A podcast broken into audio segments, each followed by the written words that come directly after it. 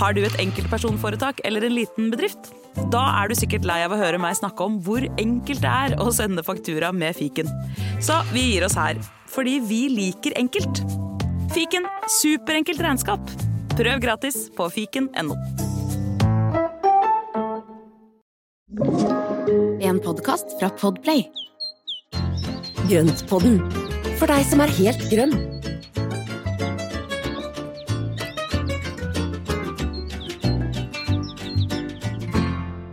Velkommen til Grøntpodden. Ja, Espen, du klarer deg kjempefint. Jeg tror ikke jeg trenger å si det. Veldig bra. Hallo alle sammen, og velkommen til Grøntpodden med han Espen og meg, Marianne. Eh, Det her er episode et eller annet uendelig. Er det 64, tror jeg?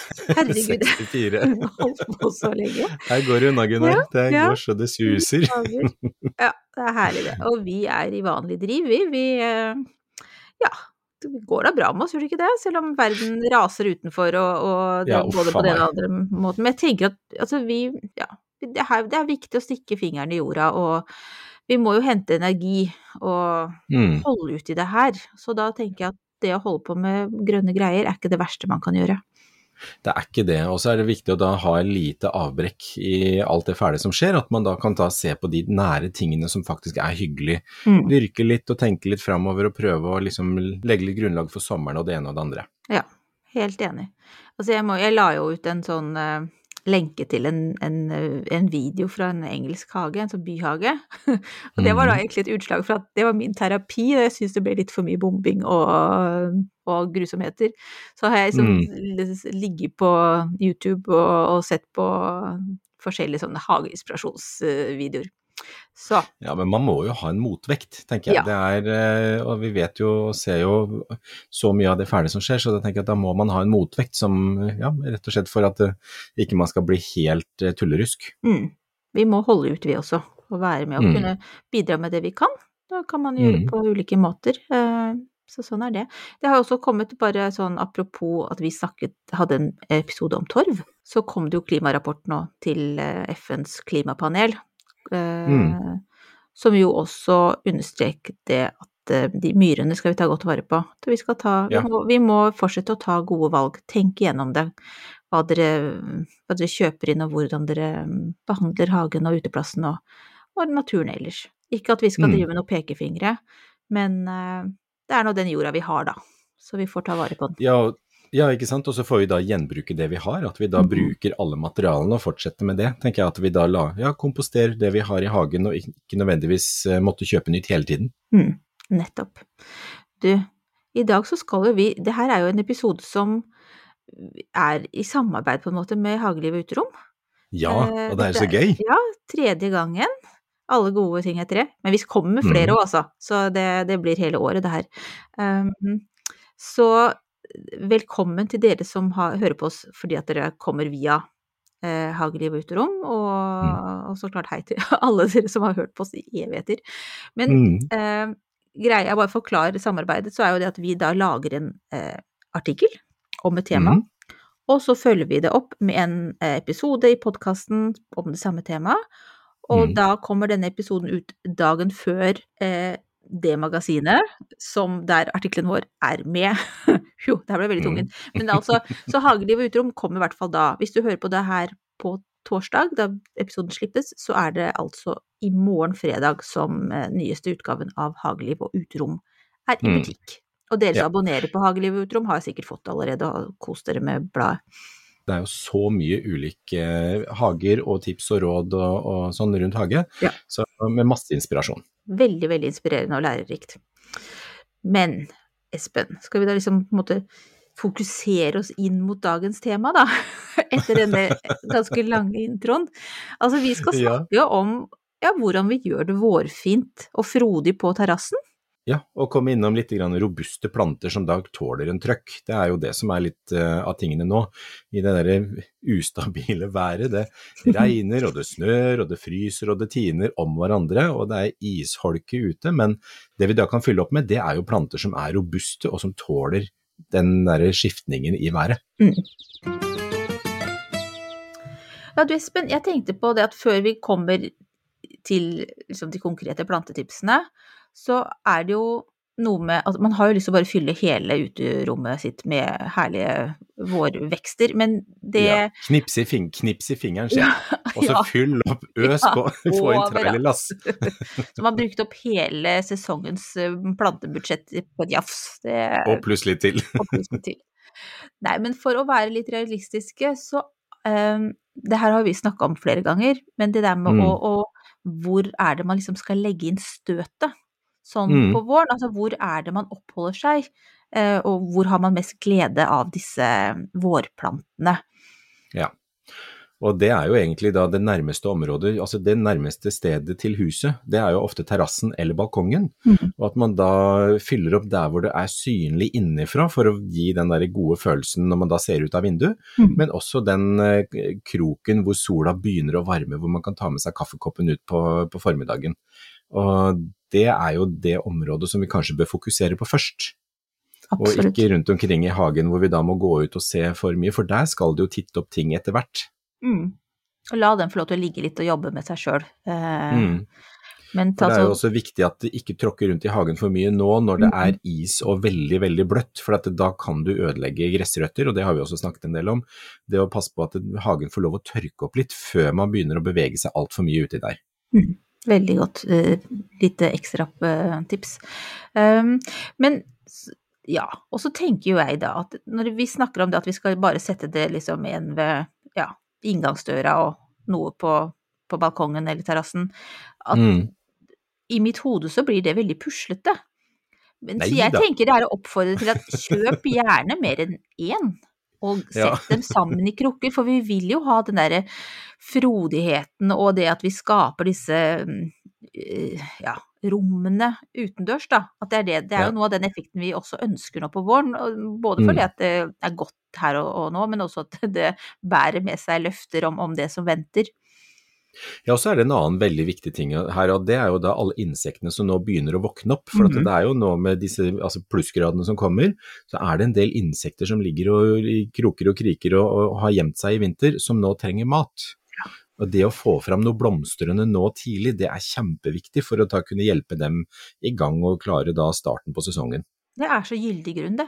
Du, det er liksom så mye bedre enn at man har lyst til å, at det skal være Det er ikke bare pent, Du, det er ikke det bare for å pønte, vet du. kan, nå tenk, tror jeg at alle hvis, Eller jeg tenkte i hvert fall at ja, Marianne, da har du lov til å kjøpe enda flere enn det du egentlig har tenkt til. For det her gjør du for dyrenes skyld, det er ikke for egen Ja. vinning eller glede. Nei, men vi må tenke på pollinatørene, og det er jo da å kjøpe blomster som da gir mye næring til dem. Og det er jo da gjerne de åpne, ikke tettfylte, sånn som det alltid er, at man da finner noen blomster som da kan gi godt med, med nektar til eh, pollinatørene våre. Så det er som en drive-through. Det er ikke en sånn Mm. lukka restaurant. Vi skal ha enkel tilgang til god, godsakene. Enkel tilgang, åpne, fine blomster er kjempefint. Men når er det insektene begynner, da? Og hvem er det, vet du noe om det her? Hvem er det som kommer først? Hvem leder an? Ja, det er ikke godt å si. Det kommer veldig an på hvordan det er lokalt der du bor. For at det er jo, altså helt nord i Norge så er det jo fortsatt en god stund til, mens eh, her på Østlandet så har det jo begynt. I Stavanger-traktene så har det jo allerede kommet ut og flyr Mm. ganske mye, vil jeg tro. Eh, og jeg vet eh, hjemme hos mamma og pappa i Kragerø, der kommer jo, hvis det er veldig mildt, så kommer jo biene ut ganske så tidlig. Det har jo vært eh, bier ute og flydd i romjula. så det, så det, det er jo Det var litt i tidligste laget, men Ja. det er jo noe med å finne noe Altså bare få ut noe som kan gi næring. Mm. Eh, og de kommer ut litt avhengig av dagstemperatur og, og når det er eh, Altså når det begynner å varmes opp. Så Mm. det kan være litt forskjellig som kommer ut. Men i hvert fall være klar med noe som kan Mm. eh, gjøre Fylle opp matfatet. Ja, gjøre livet litt enklere for dem. Men eh, ehm, altså, jeg tenkte på For er det Det er jo da både ting som man kanskje kan ha satt i gang i høst, i form av løk, Mm. og så er det ting man kjøper her og nå. Vil du, Mm. kan, du, kan ikke du møblere eh, balkongen for oss nå, Espen, med litt forskjellige ting? Ja, ikke sant. Kan prøve i hvert fall, og det er jo altså en av tingene. Det, sånn som her hjemme, så pleier jeg å da sette ut sånn som vindmøllepalme og oliven. De går ut ganske tidlig, for at det er jo da noen store planter som gir litt grønt og, og litt mer struktur til uterommet. Og eh, begge deler tåler en og annen minusgrad. Så nå når det er liksom Sjekk alltid langtidsvarselet. Se at det er liksom sånn hovedsakelig plussgrader. Er det en og, en og to minusgrader om natta, så er ikke det så farlig for disse. Så lenge ikke det blir ordentlig tæla. Mm. Og eh, da vil de kunne stå og liksom klare å komme i gang og fylle opp og gjøre det litt grønt allerede nå. Og så kan man fortsette å fylle på med noe blomstrende, og nå er det så mye fine løkplanter som man kan få kjøpt. Mm. Det er liksom alt fra krokus, tulipan, perleblomster, silda. Det er veldig mye som nå kommer nå halvveis i gang, og, og som er begynt å bli drevet fram. Og det er jo fint å kunne sette ut nå. Mm. Ja, det blir jo mye blomster på begynnelsen, så det er jo, jeg synes det var et godt poeng det med å få ut de grønne plantene som tåler Mm. å stå ute nå. For det, best, det er vel best å la dem Altså, de skal jo ikke inn og ut og inn og ut. Det blir jo slitsomt. Det blir jo veldig sli, altså det blir slitsomt for, for oss, men det blir også slitsomt for Plantene, plantene. det er liksom, så er det varmt, og så er det kaldt, Ja. og så hit og dit. Det Mm. blir bare tullball. Men, eh, men ha dem ute så sant det er sånn noenlunde pluss og, og rundt null. Eh, og du kan tenke deg nede i Italia hvor det er minus én og to grader om natta, så vil de oliventrærne som står der klare seg helt fint. Mm. Så, men du kan jo også dekke til, hvis du ser at det blir kuldegrader, så dekk til med en fiberduk eller et fleecepledd eller et eller annet sånt, så bare pakke det over planta. Da vil det kunne gi den der lille ekstra beskyttelsen som, eh, som er nødvendig for at det ikke det skal skade bladene. Mm. Er det noen andre eh, Jeg er jo som kjent veldig glad i pletter i luften. Eh, Mhm. Er det Er det for tidlig å ta, ta i bruk dem, holdt jeg på å si? Nei da, nei det er ikke. De vil kunne tåle ned mot null uten problem, men det er jo også den varianten som tåler litt frost. Så, Ja, det sant så det. det er jo Mm. da den andre, ikke sant. Så den, eh, den kan man fint Altså, det er bare å sette ut. og Sett den litt beskytta, så bare følg med gradestokken.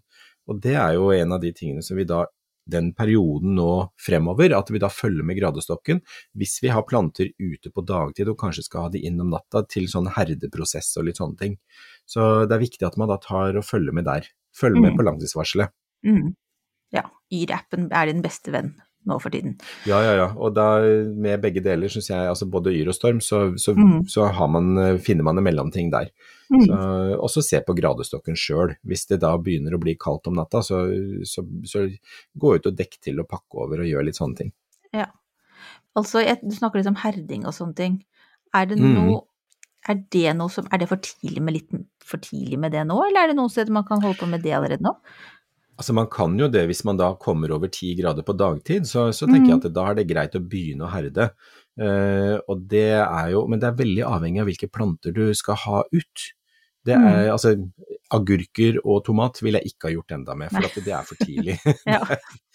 Men hvis du har f.eks. satt i gang noen små georgineknoller som da begynner så vidt å titte opp, så det vil, altså de ville jeg satt ut hvis det er over ti grader Mm. så, eh, på dagtid. Men husk å ta de inn.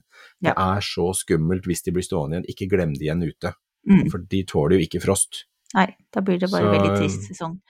Eh, Har du kamelia, så er jo det noe som kan settes ut, for at de er jo veldig sære i forhold til kulde og varme, eller varmt og tørt inne. Så det kan jo være med å- med å fylle opp uterommet nå Ja, når det er litt sånn i mellomfasen. mm. Mm. Spennende. Det er litt sånn gøy når man føler at man på en måte, i hvert fall mange av oss ikke tenker at dette er planter som skal ut nå allerede. Det, Mm. ja, det er liksom god følelse, det også. Hvordan er det med Ja. vanning og sånn, da? Altså Altså, altså våren er tørr. Altså, det, er, det er veldig tørr luft om våren. Og sola den er, den er brenner, så det er en veldig sånn kinkig tid for veldig mange planter. Så pass på å holde det jevnt fuktig, sånn at det ikke det tørker for mye ut. Og hvis det blir litt grann vind, så tørker plantene også fryktelig fort ut.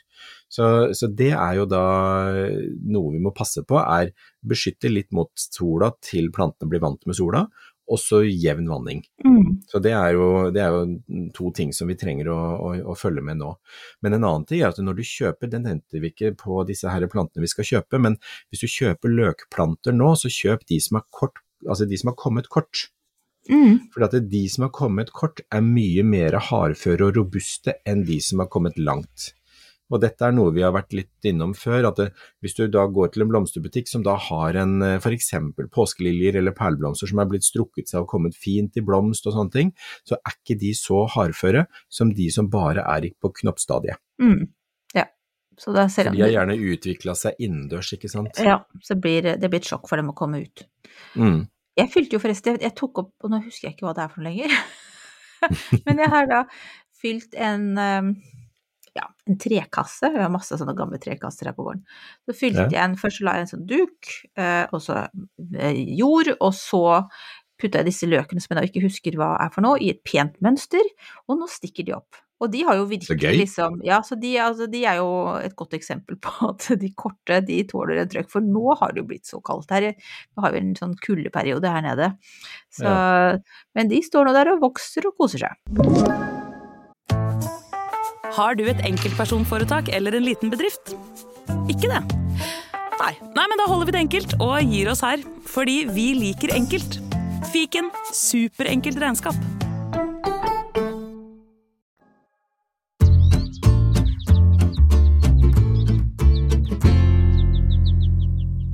Du er ikke helt ferdig med de løkene, Espen. Nå er jeg så fornøyd Nei, nei, nei. med, med, de, som jeg, de som jeg satte, har- ja, som er på gang i den kassa. Men jeg har jo en haug med svibler fra jul.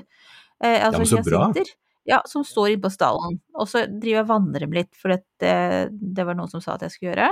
Men jeg tenker mm. de skal jo ikke stå på den i stallen i all evighet. Hva skal jeg gjøre med dem nå? Skal de de, altså, de er Ja, ikke noe pene det- nå, så det blir jo litt på siden av det der med å pynte til våren. Men skal jeg plante dem snart? Ja, hos deg så er det jo ikke tæle i bakken, og da kan du plante de ut. Så Ja. det beste du kan gjøre nå, det er rett og slett å grave små hull og dytte de ordentlig nedi, og i- plant de gjerne da med et par løkhøyders dybde, slik Mhm. at du får de godt nedi. Selv om det er litt grønt, så gjør ikke det noe om de bladene kommer litt ned i bakken. Okay. Og så lar du det bare stå, og sett de ned der hvor de, de da egentlig ikke syns så mye, for at de er ikke noe pene nå. Men de vil komme opp neste år, og da vil de stå og så samle næring, og så trekker de næringa tilbake fra bladene. Så det å Mhm. gjenbruke sviblene fra jul er kjempefint. Gjenbruk alt. Ja, ikke sant. Apropos.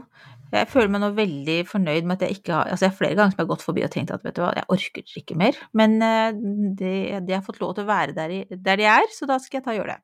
Da er det et Flink prosjekt. pike. Ja, Det er veldig takk. bra.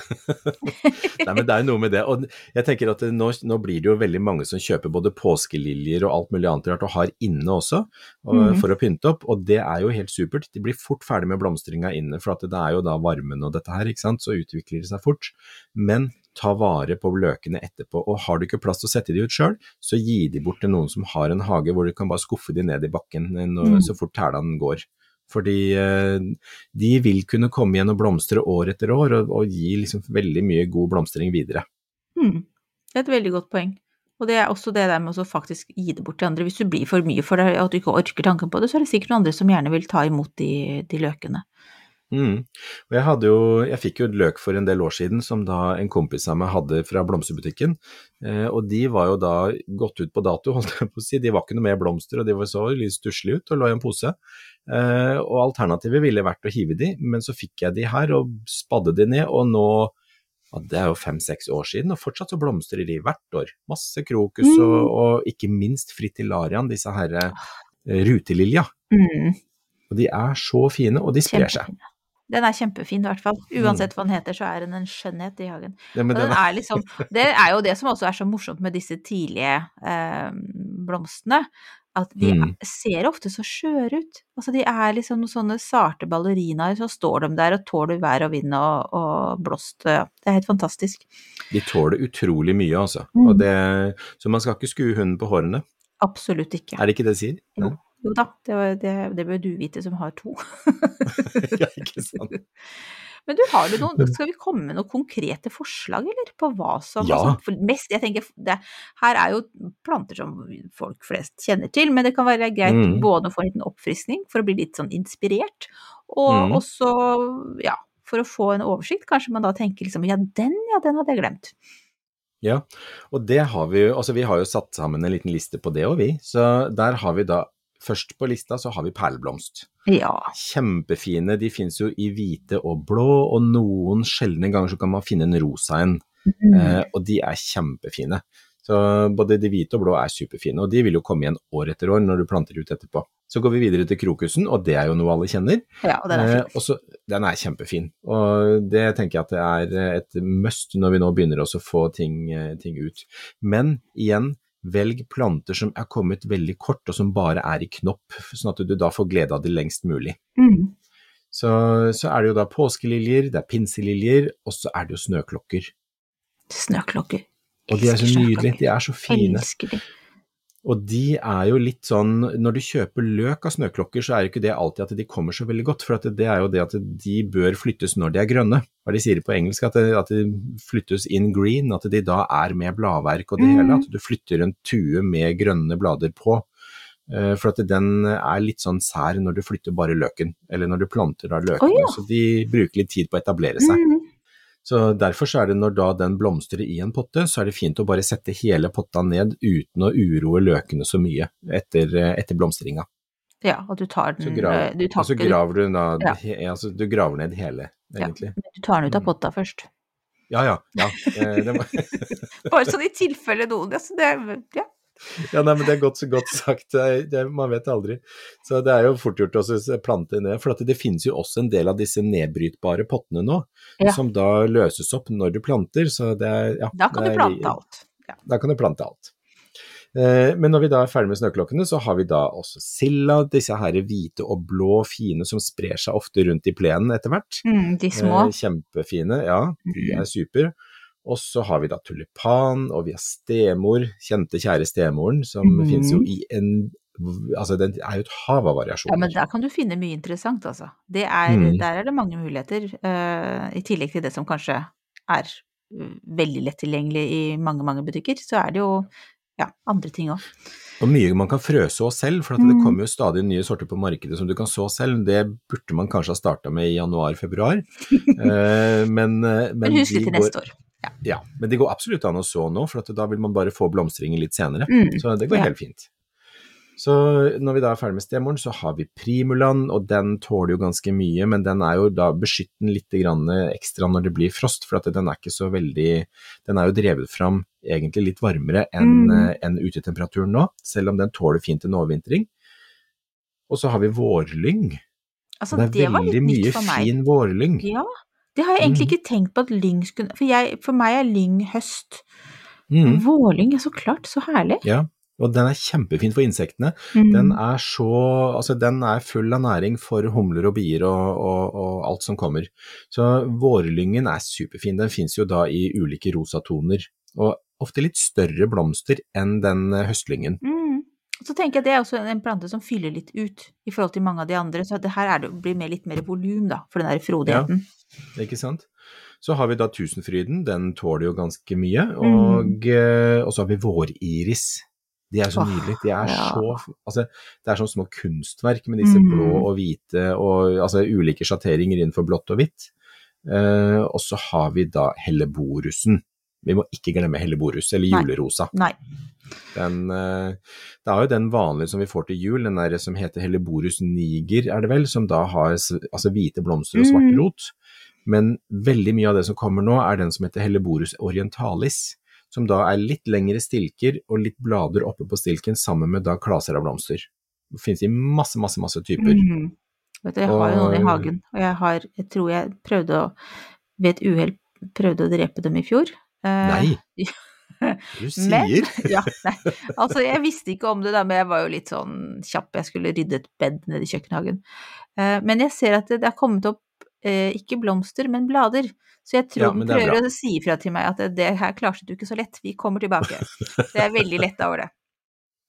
Ja, men det er bra, for de er jo så utrolig Æsj, fine. Ja, så. Og, og det var jo her i forfjor, det hvor det, det kom så Altså, da var det jo en veldig lang og mild, eh, mild Nei, eller var det i fjor? Veldig lang og mild høst, og de kom opp med fine knopper, og så kom barfrosten og Mm. svidde av alt. Ja. Eh, Så de fikk seg en skikkelig trøkk i fjor, og det kom ikke en eneste blomst her i fjor vår. Men eh, nå i år så har det vært en veldig snill vinter, og den, den har gått litt mer enn normalt, så nå ser det ut som det kommer knopper på den også her. Men ville det ha hjulpet å dekke det til? Hvis, Ja. hvis man hadde på en måte vært klar over at det skulle bli en sånn jævlig Mm. episo- eh, periode, at man da kunne Ja. lagt over noe juteduk eller et eller annet sånt? Det kunne man ha gjort, og enten dratt over gammelt løv eller da jute eller et eller annet som da gir, gir beskyttelse mot Mm. barfrosten. Det ville kunne hjulpet. Så eh, det alt ble jo da svidd av. Men det er jo så mye fine på markedet, så det er lett å finne nye. Man kan trøste seg i butikken. Ja. Ja. Og jeg så jo da Monty Don hadde lagt ut en som var nesten Altså det er blant den sorteste sorte jeg har sett noen Ja, gang, og den den er bare jeg ja, Helt rå. Ja, så vakker. Så julerosa, Helleborus orientalis, kjempefin. Og så har vi jo da ulike anemoner som kommer, og så er det ranunkler. De bør jo beskyttes litt mer. Eh, De tåler jo ikke noe særlig frost, men de tåler fint ned mot null grader. Og så har vi den siste på lista vår nå, det er jo forglemmajeien. Ja. Ja, Den, den er er, så søt, og den er Ja. så fin, og, men den, den bør også stå lunt når det blir kaldt, slik at den da ikke får de der frost, eh, frostnettene. Så bare trekk den litt inntil husveggen, eller dekke over litt. ja, for det er, ikke den, det er ikke den tøffeste av vårblomstene, selv om den eh, er tøffere enn mye annet. Og Ja. med tanke på utseendet, så er den veldig tøff. Ikke sant. Ja. Men det som jeg skal si litt om det, de vårblomstene som kommer nå, at er veldig mange av disse her, de er jo herda fra produsentene, og det betyr at de er dyrket under litt, grann, ja, litt grann røffere forhold, så tåler de også litt mer når de kommer hjem til oss, hvis ikke de har hatt en periode i en varm butikk. Men er det her noe man skal spørre de i butikken om, eller på hagesenteret? Altså hvordan er det med, har disse blitt herda, altså hvordan oppbevarer de, dere de, eh, eller? Som regel så ser man det, altså er det innendørs i en butikk og du ser at plantene har strukket seg litt, så, så har de fått det litt Ja. for varmt i Mm. den perioden. Eh, en del hagesentre eller butikker som da har blomstene på utsiden, som du ser at disse her er små og kubbete og fine og tette, og kommet kort, så, så kan man gå ut fra at de har klart seg helt fint uten å få den varme perioden, Mm. så da kan du sette de ut. Så bra. Er det noe mer vi skal si om disse vårblomstene våre, da? Altså fråts i Fråts og vakre fylle opp. Ja. Og hjelp insektene, og Ja. skap glede for deg selv. ja. Og så klart så kan man jo også kjøpe noen fine krukker til å ha dem i. Så det er jo også en, en vi, kan ikke, vi kan ikke liksom skylde dette på insektene, så klart, men eh, ja. Vi kan jo unne oss noen nye krukker òg, da. Det er jo tross alt vår. Ikke sant?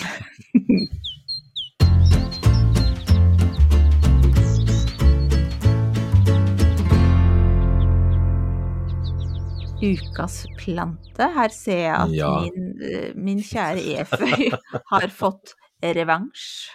Siden det Ja, du ble jo liksom så lei deg sist uke, så ble du så lei deg, så jeg tenkte at Ja, vi må jo ta den opp, da. jeg gråt, og jeg gråt. Nei, Hulka deg i søvn flere netter på forferdelig. Det var nesten, eh, ja, nesten krise. Nei da, Ja. men eføyen er fin. Den heter Ja, men den er altså da. Hedera helix. Eller sier man hedera? Hedera? Hedera, hedera helix. Ja. Vi har veldig mye rundt omkring på alle fasader her hos oss. Eh, og den trives jo best ute, kan jeg si da. Ja, og eføyen er jo utrolig fin. Den liker jo da det der fuktige klimaet hvor ikke det er for tøffe vintre. Jeg tror den er herdig til sone 3-4 eller noe sånt, og, og, og tåler jo selvfølgelig også mye vinter, men, men den liker det der fuktige klimaet som, Mm. eh, som er da nedover i Skåne, København og, og også på Vestlandet. Så, så er den jo kjempefin. Jeg husker en gang jeg var i Stavanger hos en, en tidligere venninne som, som hadde da en enorm eføy hadde tjukke stammer opp etter husveggen. og var Mm. utrolig flott. Mm. Og den, eh, da vokser den også mye fortere. Ja. Altså Men- den kan jo være utrolig frodig hvis den trives. Eh, ja. Så det Så kan den den bare være veldig trist hvis den ikke trives. Ja, den trives ikke så veldig godt innendørs. Jeg, jeg har jo liksom alltid, i gamle dager da, før jeg ble vis og plantekunnig, så tenkte Mm. jeg at EFØ var så hyggelig å ha sånn, du vet sånn hengende på toppen av et skap litt nedover. Det, er liksom, Ja, det, det var jo fint til tiden da bare plutselig var brun og ferdig. Ja, og på bøyler i vinduskarmene og sånne ting. Det som er problemet med eføyen når vi får den inn, er at lufta er for varm, lufta er for tørr. Og det er jo det som skjer, at eh, når da det er varmt og tørt i lufta, så er de ekstremt mottagelige for spinnmidd. Altså utøyet, eh, disse her små krypa som man nesten ikke ser. Du ser det som bitte små sånne spinn i bladfestene og undersiden av bladene ofte. Så hvis du da har nesten et forkjølelsesglass, jeg trenger i hvert fall det nå når jeg begynner å se så dårlig, Eh, alder, aldersgreia mi. Trangsynt og, snever, nei, trangsynt og sneversynt og alt mulig rart i tillegg til nærsynt. Så det da, ja. Ja. Så det som, er, det som er om å gjøre, da, bruk gjerne forstørrelsesglass, og så se under bladene og se rundt, eh, rundt stilkfestene, eh, eller bladfestene, og se der, hvis det er noe spinn der, så er det spinnmidd som er på. Og Mm. det tar etter hvert livet av planta, sammen med denne varme, tørre lufta. Det er ikke så mye man kan Så- gjøre for å redde den, er det det? Jeg ville da ha den hivd den Du ville kasta den, ja. Rett på huet og ræva ut, for mm. den spinnmidden den sprer seg til andre planter, og det vil du ikke. Nei. Den er så innmari å bli kvitt. Så den sprer seg fort. Så den, det som da eføyen liker, det er en kjølig plassering på vinteren. Kjølig, lyst og jevnt fuktig. Ja. Og hvis du har mulighet til å sette den ut, så, så gjør det. Og plant den i bakken. Jeg hadde jo da en Jeg fikk jo en liten sånn eføytust av mamma for eh, ja, kan det være seks år siden, tror jeg. Den sto i en juledekorasjon, sånn hvit og grønn en. Eh, nei, ikke juledekorasjon, men altså eføyen var hvit og grønn. Så det var litt annet oppi der òg. Ja. Men, eh, men eføyen var sånn hvit og, og grønn i bladene. Mm. Herregud, nå bare tuller jeg. Nei da, vi er med deg, vi. Bare fortsett, du. Nei, eføyen var sånn variegert, så den har hvite og grønne blader. Og den satte jeg bare ut for sommeren, for jeg tenkte at vi får se hvordan dette går. Og den har nå vokst og vokst og vokst, og nå dekker den over et ganske stort område av en, av en liten støttemur. Mm. Og eh, den i fjor når det var mye barfrost, så svidde den av alle bladene. Men i år så har bladene klart å holde seg, så nå er den fortsatt kjempefin. Så den kom, alt kom ut igjen. Så hyggelig. Den er veldig fin, ja. Ja. Og her så bor jeg jo da i sone 3-4, og eh, det er, eh, den er veldig utsatt der den står, så jeg tenker at det, den er ganske robust, og den har vokst, jeg vet ikke, et par meter. Fantastisk. Ja, kjempefin. Ja, det er jo det. Det er veldig, veldig gøy. Altså, eføyen vår, vi har den jo på fasaden på huset og på noen uthus. Eh, men det som er så gøy, er jo Det er jo masse insekter der. Jeg syns jeg kanskje ikke er så gøy når jeg skal klippe den, men det Nei. er også flere sånne småfugler som har eh, redene sine der. Det er veldig hyggelig på våren. Det er hyggelig. Ja, det er kjempehyggelig. Og det er jo bare sånn, bare lite tips. Hvis du har trehus, så ikke la eføyen komme opp på fasaden. Mm. Samme med, med den øh, klatrehortensiaen. Ja. Eføy og klatrehortensia er ikke så bra på trefasader. Nei. Det er et veldig godt poeng. Vi har mur. Ja, vi er ikke, vi er ikke i fare. Men, vi driver, men den er ganske sånn Den er jo eh, litt frekk. Altså, han vil jo gjerne liksom snike seg inn både hist og her. Så Ja, den prøver seg. Ja, ja, ja. Den prøver seg. Og den er og så det- sterk. Men vi er, den er fin. Kjære. Eføy. Veldig glad i deg. Men uh, eføy kjempefin, men eh, plant den gjerne ut, og, og hvis du får utøy på den inne, så få den ut så fort som mulig, så ikke det sprer seg til andre planter. Mm.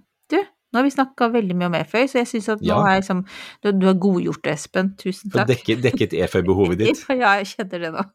Herlig. Nå er livet i balanse igjen. Ja, så bra. Eh, Men derfor så tenkte jeg vi skulle gå videre til ukas spørsmål. Ja. Og da er det Torkil på mm. Torkils hage er kontoen på Instagram, med litt reklame her. Mhm. uh, men han har et spørsmål om kanna, Mm. og han har Jeg bare leser, jeg. Har et lite tips på lur angående kanna? Jeg tok mine inn i høst, og de har stått i potte inne, kjølig og lyst. Han har klippet bort alle tørre, brune blader, og de grønne som er igjen, er lange, tynne blader som velter og henger. Kan Mm. jeg klippe de helt nå, eller bør jeg la det grønne få stå? Det var nesten et rim. Eh, Ja. Og hvordan behandler jeg de nå fram til sommeren? Så bra. Kjempefint spørsmål. Og det er jo, altså Kannaen er jo veldig eksotisk, gøyal, flott plante. Finnes i masse, masse varianter. Og knollen, den er jo, eller det er vel risom, tror jeg det heter, men, eh, men den rotknollen, den kan du da ta vare på fra år til år. Det som er veldig, veldig kjekt med den, er at den tåler ganske mye, så du kan ta opp hele rota hvis potta er fylt, og så brekke den opp eller skjære den opp, og så plante den i nye potter. Ja, såpass, ja. Og, ja, og det som er at det, ofte så blir det så trangt i potta, med, for at den er jo ganske vekstkraftig eller vekstvillig, den der kannaen, så ofte så kan potta bli så tettfylt at den ikke har så mye ekstra næring å hente, og da stopper veksten litt opp. Så det kan Mm. være lurt å dele den opp litt innimellom. Kutt ned bladene helt ned til knollen, og eh, ta den opp. Brekke den gjerne opp hvis potta er fylt, eller sett den bare i en større potte, og så gi den ny næringsrik jord og så sette den lyst og begynne å vanne på den. Lyst og ikke for varmt. Mm. For det at bladene er blitt lange og tynne kan tyde på at det er høy temperatur i forhold til lysmengde.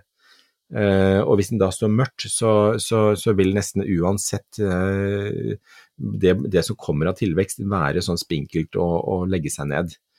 Så det å gi mye lys, ikke altfor høy temperatur, kanskje rundt 15 grader, og så begynne å vanne på den, så vil de skuddene begynne å bli kraftigere, og da skal de stå veldig fint utover sommeren. Mm. Gi den en nystart, rett og slett. Mm. Ja. Rett og slett en ny start. Og er potta full av knoller, så ta den opp, del den, og du kan godt gyve løs med, med øks eller med en ordentlig skikkelig kniv. Altså, for det, det er for de blir så kompakte og Mm. harde i knollen. Mm. Så enkelte ganger så er det greit å ha en ordentlig skikkelig kniv for å komme seg gjennom de, de knollene. Og den har masse vekstpunkter, så ikke vær redd for å dele den opp. For at den setter nye vekstpunkter og kommer da med nye skudd. Ja. Cannaen er kjempefin. Den store, fine, eksotiske blader og blomster som da blomstrer over lang, lang tid. Så veldig, veldig fine planter, altså. Ja, hurra for Canna. Nå er vi liksom bare sånn eh, koser vi oss med alle, alt som går fint. Da egentlig E-føyen er i boks, og Cannaen er i Ja. er det, hvordan har du, er det fryd og gammen hos deg òg, eller hva gjør du for tiden? Nei. Nei, nei, ok. Nei, ikke bra. Nei, jeg var jo da og kjøpte meg en kaktus eh, for eh, ikke veldig lenge siden, halvannen uke siden eller noe sånt. Eh, nei, kanskje to par uker siden. Og i dag så oppdaget jeg at det er ullus på Nei. min nye kaktus. Ja. Åh, ullus er noe ordentlig herk, og det er ikke, ikke bra. Det Nei. var en veldig fin kaktus, og den, den kosta jo litt også, for at den er en litt spesiell type. Men når du da kommer hjem og oppdager at det er ullus, dette er, er grunnen til at man egentlig, alle nye planter bør i karantene før de blandes sammen med dine egne planter. mm, Hvis du har en, har du en frisk bestand av planter, så sett alltid nye planter i karantene en periode til du vet at de er i, i orden, at ikke de har med seg noen uønska gjester. mm. Ja. Godt poeng. Og eh, det er, eh, det er om å gjøre å da bli kvitt. Så den er faktisk sånn at nå er den isolert. Dessverre så hadde jeg den sammen med noen andre, så jeg har vært eh, nå, nå må jeg bare se litt hva som skjer i den nærmeste tida. Men nå har jeg isolert den, og det gjelder alt ute, og spesielt ullhusa som er vrien å få, få has på. For at de kryper ned og gjemmer seg akkurat i rot, altså nede i overgangen ned til Mm. jorda, den gjemmer seg litt sånn her og der, og det er uff, ja, fysj. Hva gjør du da? Hva? Nei, nå, nå har jeg spraya den med grønnsåpevann, eh, grønnsåpevann tilsatt litt rødsprit, og eh, jeg lar den stå, og så skal jeg gjenta det med ja, tre-fire dagers mellomrom, eh, og da gjør jeg det igjen kanskje en tre-fire ganger, Mm, sånn at det da det blir en, en kontinuerlig behandling av denne nå fremover. mm. Og alternativet mitt nå, det er å ta og plukke løs noen biter av kaktusen som da blir stiklinger, og så lage en ny plante. Og og gi Også opp moderplanta, liksom. Og Og, ja. morplanta, Ja. for da har jeg kontroll på røtter, jeg har Mm. kontroll på alt egentlig. Så nei, vet du hva, det er, det er dessverre en av ulempene når man da henter inn nye planter. Enkelte ganger så kan det komme med uttøy, og det er jo da sånn som, med, med, som vi sa på E-føyen, det med spinnmidd. Det er trips, det er ullus, det er en del sånne ting som man ikke egentlig har lyst til å ha med seg hjem, altså. Så sett planter i karantene, ikke gjør som meg og sett de sammen med noen andre fine planter med en gang. Hvor lang tid, bare et siste oppfølgingsspørsmål her nå, hva er det du, Mm. hvor lang tid bør man, altså er det snakk om en måned, er det en uke, hvor, hvor fort kan man se, det er vel avhengig av hva slags uh, Det er litt avhengig av hva det er for noe, men, Ja. eh, men uh, i løpet av en 14 dagers tid så pleier det å synes. Altså Ja. 14, ja, to til tre uker pleier jeg også å, å si. Og vanligvis så har jeg det i karantene, men denne gangen så så det så fint ut, og det, Mm. jeg, ja, så jeg lot meg lure. Så nå er det en liten kamp mot ullhusa. Og Ja. de ses jo, de, altså når man ser på ullhus, så, så er det, da ser det ut som små hvite, hvite ulldotter. Og det er da, de der luskrypa, de har jo pakka seg inn i et sånn lite hvitt spinn, som da gjør at de også er litt vanskeligere å få tak i med sprøytemidler. Fordi eh, det er jo nå å få kontakten med den lusa som sitter inni den ulldotten. Sånn at du får dynka det ordentlig med grønnsåpevann, altså. Uff. Ja. Mm. Forstår at det her var noe dritt. Ja. Nei, nå blir jeg lei meg. Ja, jeg kjenner det! Jeg ble litt lei meg, jeg òg. Nei da, men kan ikke du si at du gjør noe hyggeligere? Ja. Jo, hva, jo, jeg gjør jo egentlig det. For det første så har jeg endelig satt i gang med tomatene. Ja. Fordi at jeg begynte å bli så stressa, for det var så mange av dere som hadde satt i gang med tomatfrø allerede. Og så tenkte jeg at ja, men Mm. det er jo så klart drivhusgjengen. Uh, og her er jo drivhusen Drivhuset mitt er jo bare eh, Uten glass. eh, Ja, det er jo veldig uten glass. Så, men nå tenkte jeg at nå er det på tide. Så nå har jeg da eh, Det ble fire forskjellige Tre forskjellige, tror jeg. Ja, nå husker jeg Mhm. ikke helt. Jeg har noen andre som jeg lurer på. om. altså, jeg har jo egentlig tenkt jeg skulle nedskalere tomatprosjektet i år. Eh, Kommer derfor- ikke til å skje. Nei, jeg, det har en sterk følelse av det. Men altså, nå, ja, vi får se. Så nå er det i hvert fall tre ulike sorter. Det er den ene ponderosaen, altså den lagringstomaten. Mm. Og så var det en sorrent, som jeg tror var en sånn mattomat fra Sorrento-halvøya. Oi. Og det siste husker jeg fant meg ikke, men jeg skulle komme tidlig og hadde sånne fine sånne eh, gule striper liksom på det røde, så den så så pen ut. Jøss, så gøy. Ja. ja. det blir spennende. Det blir spennende. Og så har jeg egentlig, så er jeg jo pleier jeg å ha San Marzano, men nå har jeg liksom holdt igjen de frøene. men de ligger der og, og bare venter på meg. Så det har jeg Ja. gjort. Og så har jeg jo da endelig klippa ned drueranka. Mm. Eh, og der var det mye dødt, altså. Altså, jeg, det, det, det, jeg tror egentlig jeg kunne tatt enda litt mer, men det er den siste biten har jeg latt stå, i tilfelle det skulle være noe liv i leiren. Men Mm. ellers så er det, det, Ja, det, det var eh, Jeg følte meg helt eh, Hva skal jeg si? Ve veldig modig. Altså, jeg klippa og klippa og klippa, klippa. Men vet du hva, det er veldig altså, Sånn som når du ikke har klippa på flere år, så er det kjempefint. Rydd opp skikkelig, Mm. og så se, og så heller få ting fra start igjen. Klipp tilbake til gamle stokken, og så få, la den få lov å jobbe ut nye, nye ranker, altså. Mm. Veldig lurt. Ja, jeg tror jeg kanskje skal ta det siste, nå som du sier det. Det altså, jeg Mhm. tror For det er jo noe som det er liv i. Så om mm. det skulle mot formodning være noe liv i det gamle som ser helt dødt ut, så Og jeg tar bort det, så er jo ikke det så farlig. Ja, men det skyter som- masse nytt. Ja, ja, ja. Ja. Og, det er, eh, og da vil det kanskje også komme mer avling, for at da vil den ha mer krefter til å bære mm. fram den avlinga som kommer. Det er det som er målet, vet du. Altså Ja. for det at det har jo vært litt fislete med, med hjemme, hjemmelagde druer i det siste. Men de trenger jo liksom å strammes opp, for at ellers så går all næringa ut på videre vekst og blader, ikke sant. Og da trenger de den næringa for å liksom eh, å styre kreftene i en retning, og det er jo det som er med mye frukt og bær, er at det, man må styre kreftene til planta inn i en retning. Ja, Rett og slett. Det var, eh, det var i hvert fall det jeg har gjort til nå, men nå tenkte jeg kanskje at vi kanskje skal liksom begynne å avrunde litt, eller Espen? Ja, det må vi gjøre. Apropos din ullelus. Ja, Lusull. Lusull. Ullus. Så ullus. neste gang så skal vi snakke om altså alle disse, disse, disse andre beboerne i naturen. Mm. Eh, skadedyr, men også nyttedyr. Ja. Mm. Og det er jo eh, Altså, vi ble litt inspirert av den ullusa nå, men det som er, eh, er om å gjøre, det er jo å ha en hage med mangfold. Og Det er jo egentlig da det som vi tenkte å ha litt grann med, med, som utgangspunkt i dette her med skadedyr og nyttedyr. Mm. Og eh, tenkte å skulle snakke litt grann om hvordan vi kan da ha en hage som da er velfungerende uten å måtte sprøyte. Uten å måtte liksom eh, gjøre så veldig mye jobb. Hvordan man kan få litt mer balanse i hagen. Mm. Det er jo da litt i forhold til det å da legge til rette for skadedyr, og eller ikke legge til rette, det, de kommer uansett, men legge til rette for nyttedyr. Mm.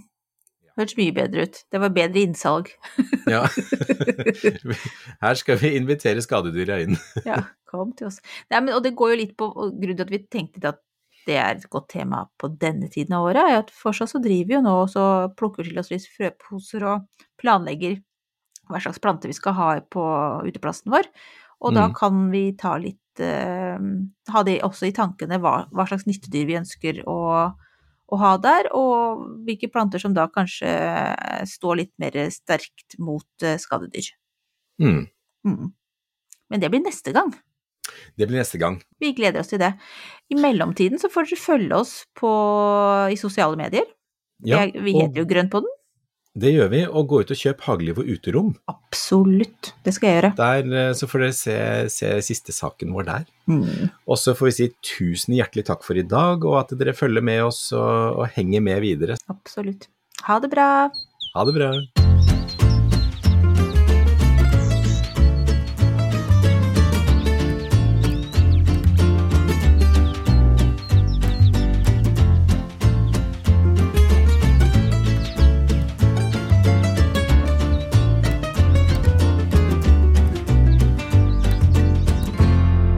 Du har hørt en podkast fra Podplay.